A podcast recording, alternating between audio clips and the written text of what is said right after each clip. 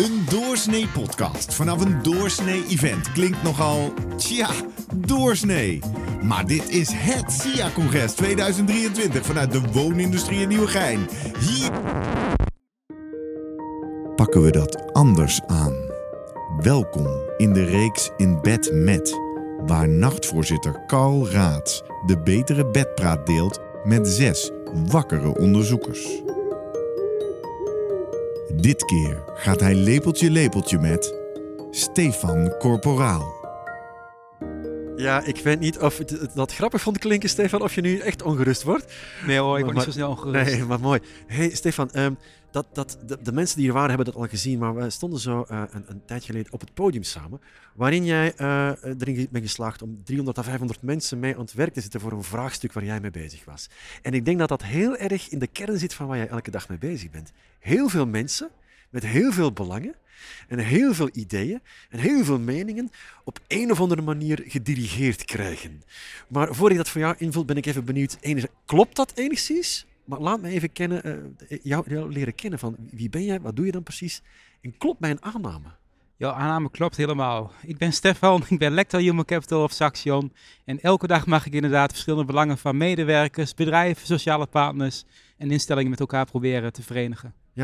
Ik, ik las trouwens eh, in, in, in de voorbereiding eh, het, aantrekken, het, het, het behouden van medewerkers, dat, dat jouw onderzoek, jouw werk daarmee te maken heeft. Toen ik het las, dacht ik, oh, jij, jij hebt werk voor drie levens lang. Als ik, als ik ergens in bedrijven nood aan voel en hoor, is het hoe trekken we de juiste mensen aan? Hoe, hoe laten we hier ontwikkelen? Hoe laten we ze gelukkig worden? Dat, dat welzijn op het werk. Hoe houden we ze ook?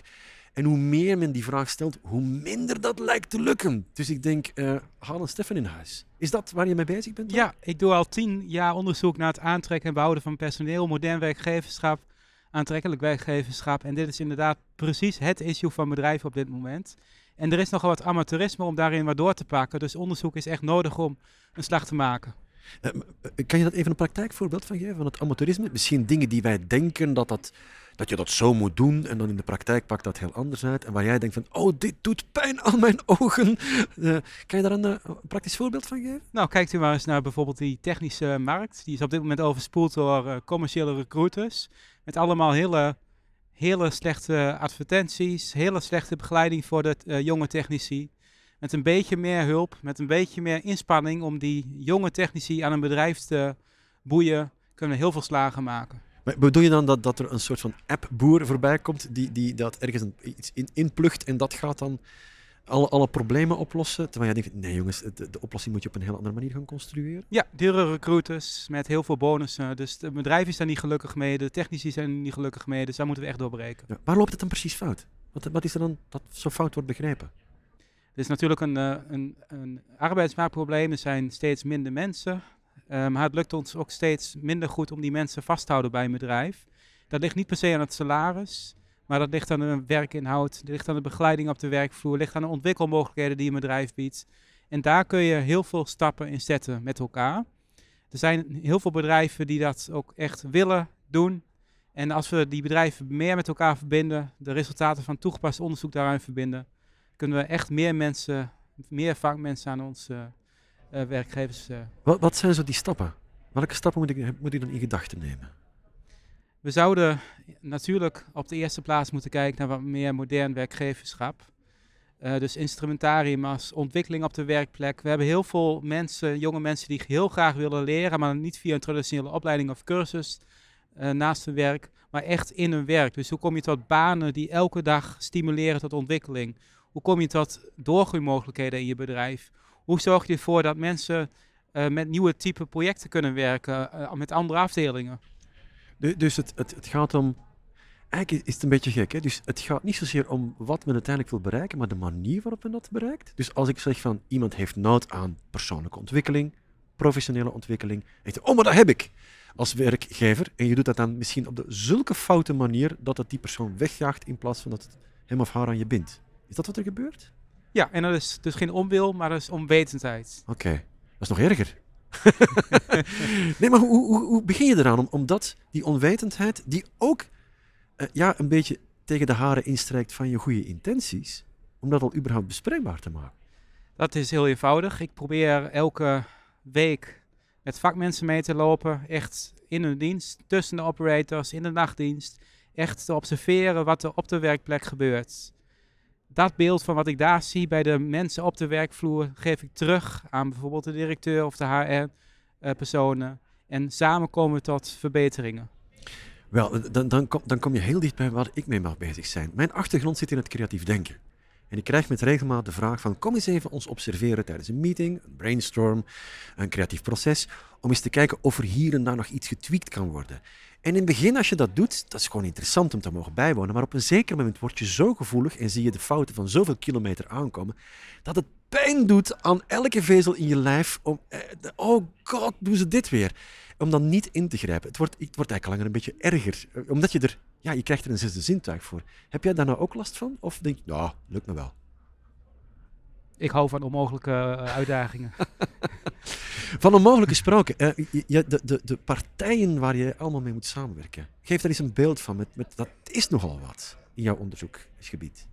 Ja, we hebben net een uh, heel groot project in de Nationale Wetenschapsagenda binnengehaald van 9 miljoen. En daar zitten 450 bedrijven, vakbonden, werkgeversverenigingen, bedrijvenhubs, uh, 10 kennisinstellingen verbonden. Dus we kunnen de komende 10 jaar echt werk aan het doorbraken op het uh, gebied van het aantrekken, behouden en ontwikkelen van personeel.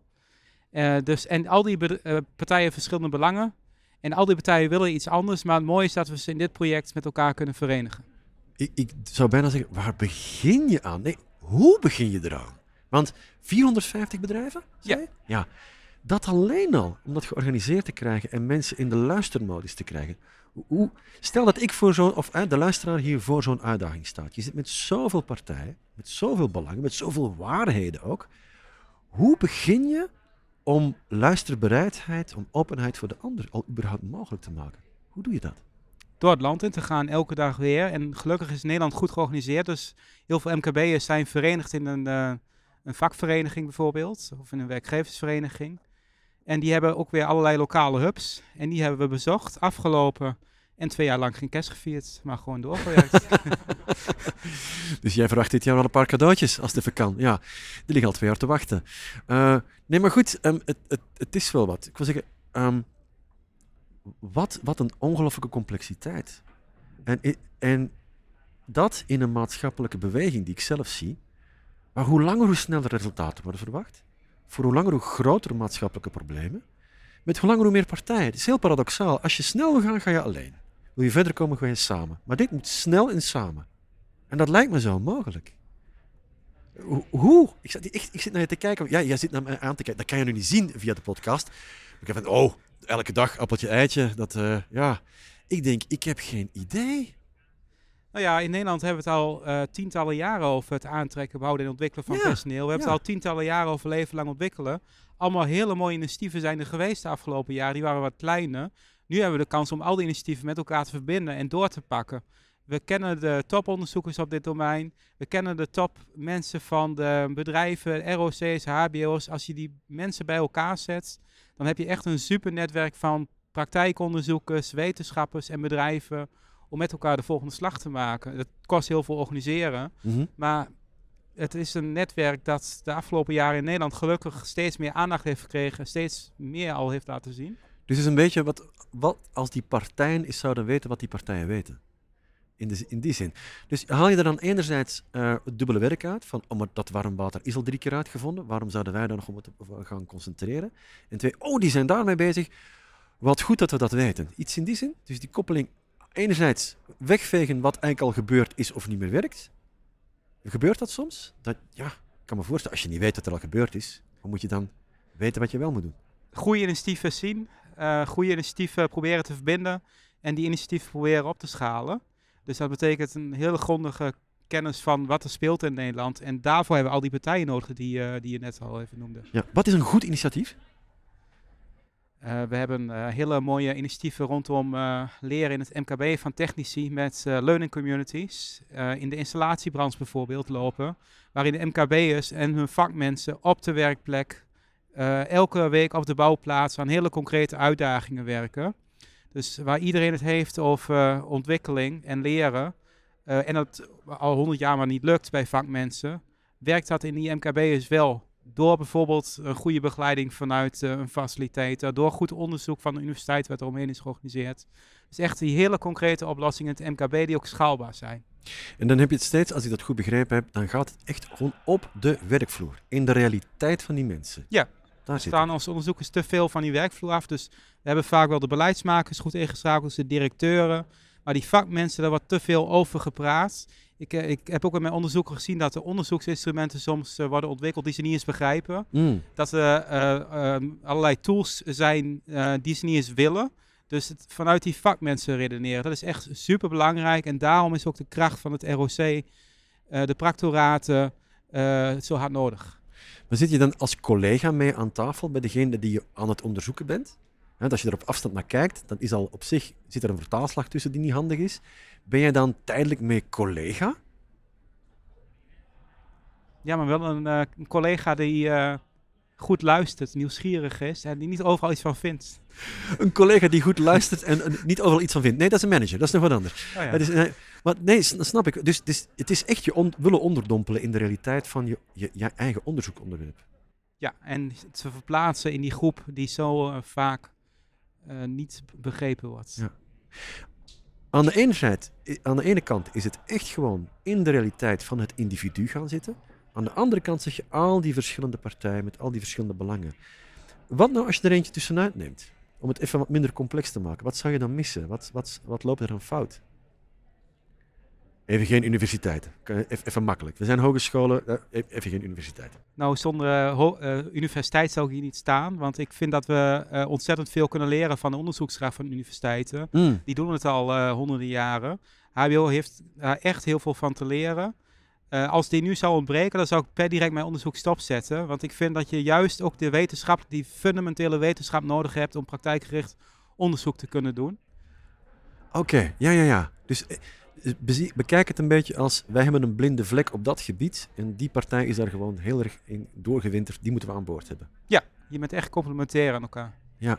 Goh, is het dan ook een kwestie van elkaars jargon en, en werkwijze te, te gaan doorgronden? Ja, ja, er ontstaat eerst drie jaar oorlog en dan, uh, als je dat hebt overwonnen, dan, ja. dan lukt het. Maar is dat zo? Ja, dus ik kan me nog goed herinneren, de eerste keer dat ik de universiteit afzocht, een practoraat, we begrepen elkaar taal niet. Uh, dus dan, uh, ja, dan heb je er heel veel projecten die wat minder goed lopen. En uiteindelijk leer je daar ontzettend veel van.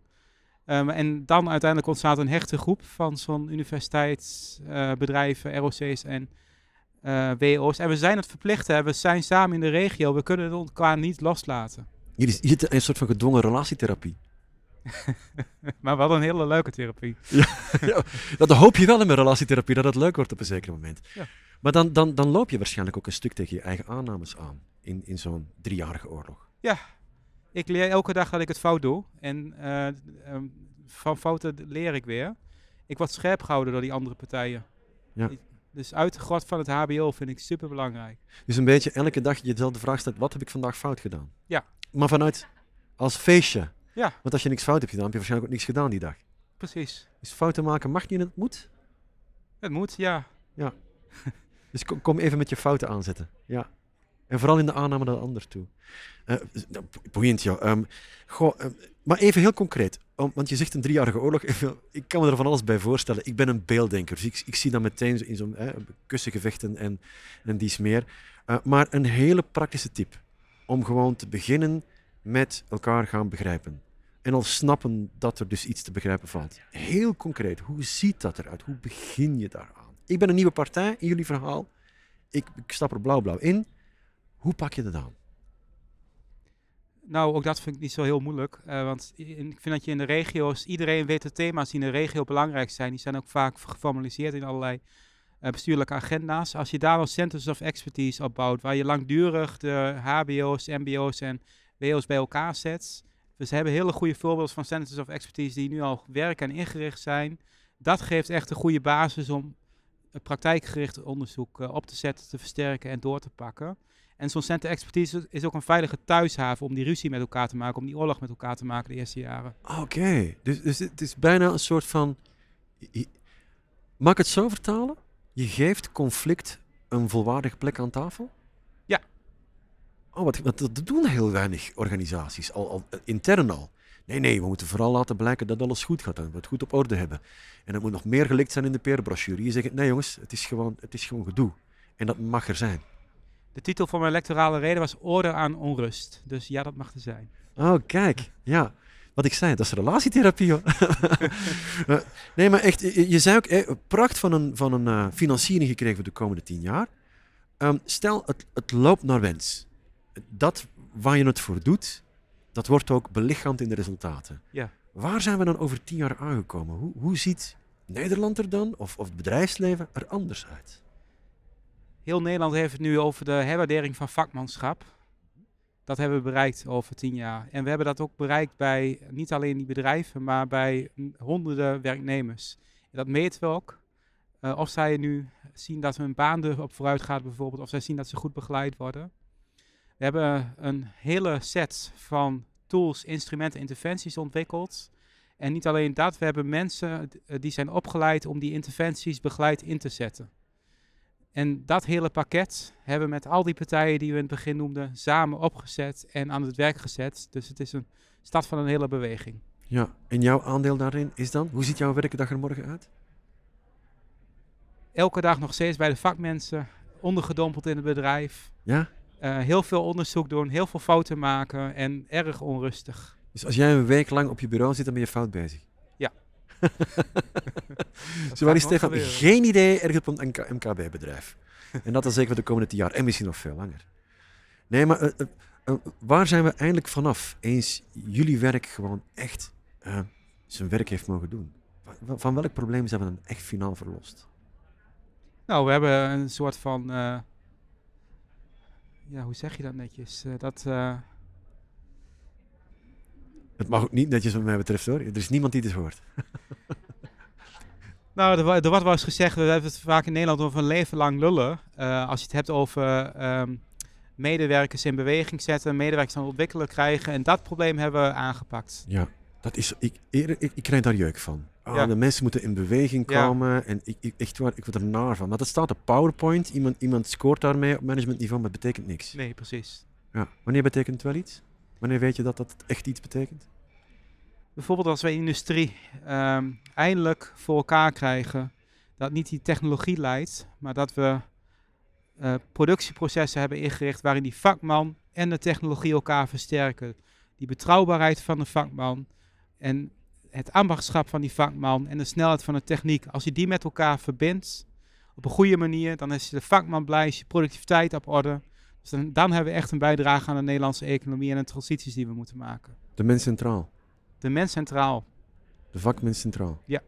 Ik, uh, ik denk dat die vakmensen dat heel graag gaan horen en nog veel liever in de praktijk ook gaan herkennen.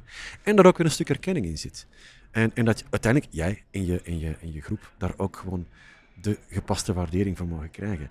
Ik ben heel benieuwd naar wat het geeft. Ik, ik kan me alleen maar voorstellen dat jij inderdaad jezelf niet gaat vervelen de komende tijd. Steven Corporaal, dank om met mij even dit bed te willen delen. Het was een waar genoegen. Hetzelfde, het genoegen.